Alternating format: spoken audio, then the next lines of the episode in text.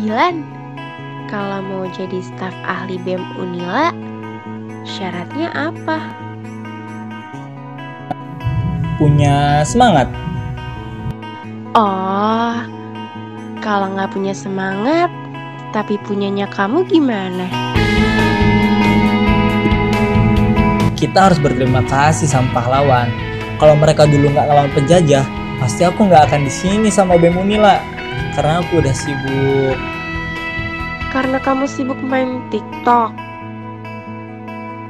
Aku pernah bilang, jika ada yang mengajakmu untuk jadi lebih hebat, kamu jangan nolak. Aku yakin BEM adalah tempat yang tepat buat kamu jadi lebih hebat. Bergabung dengan BEM adalah upacara menyambut hari-hari penuh kisah perjuangan.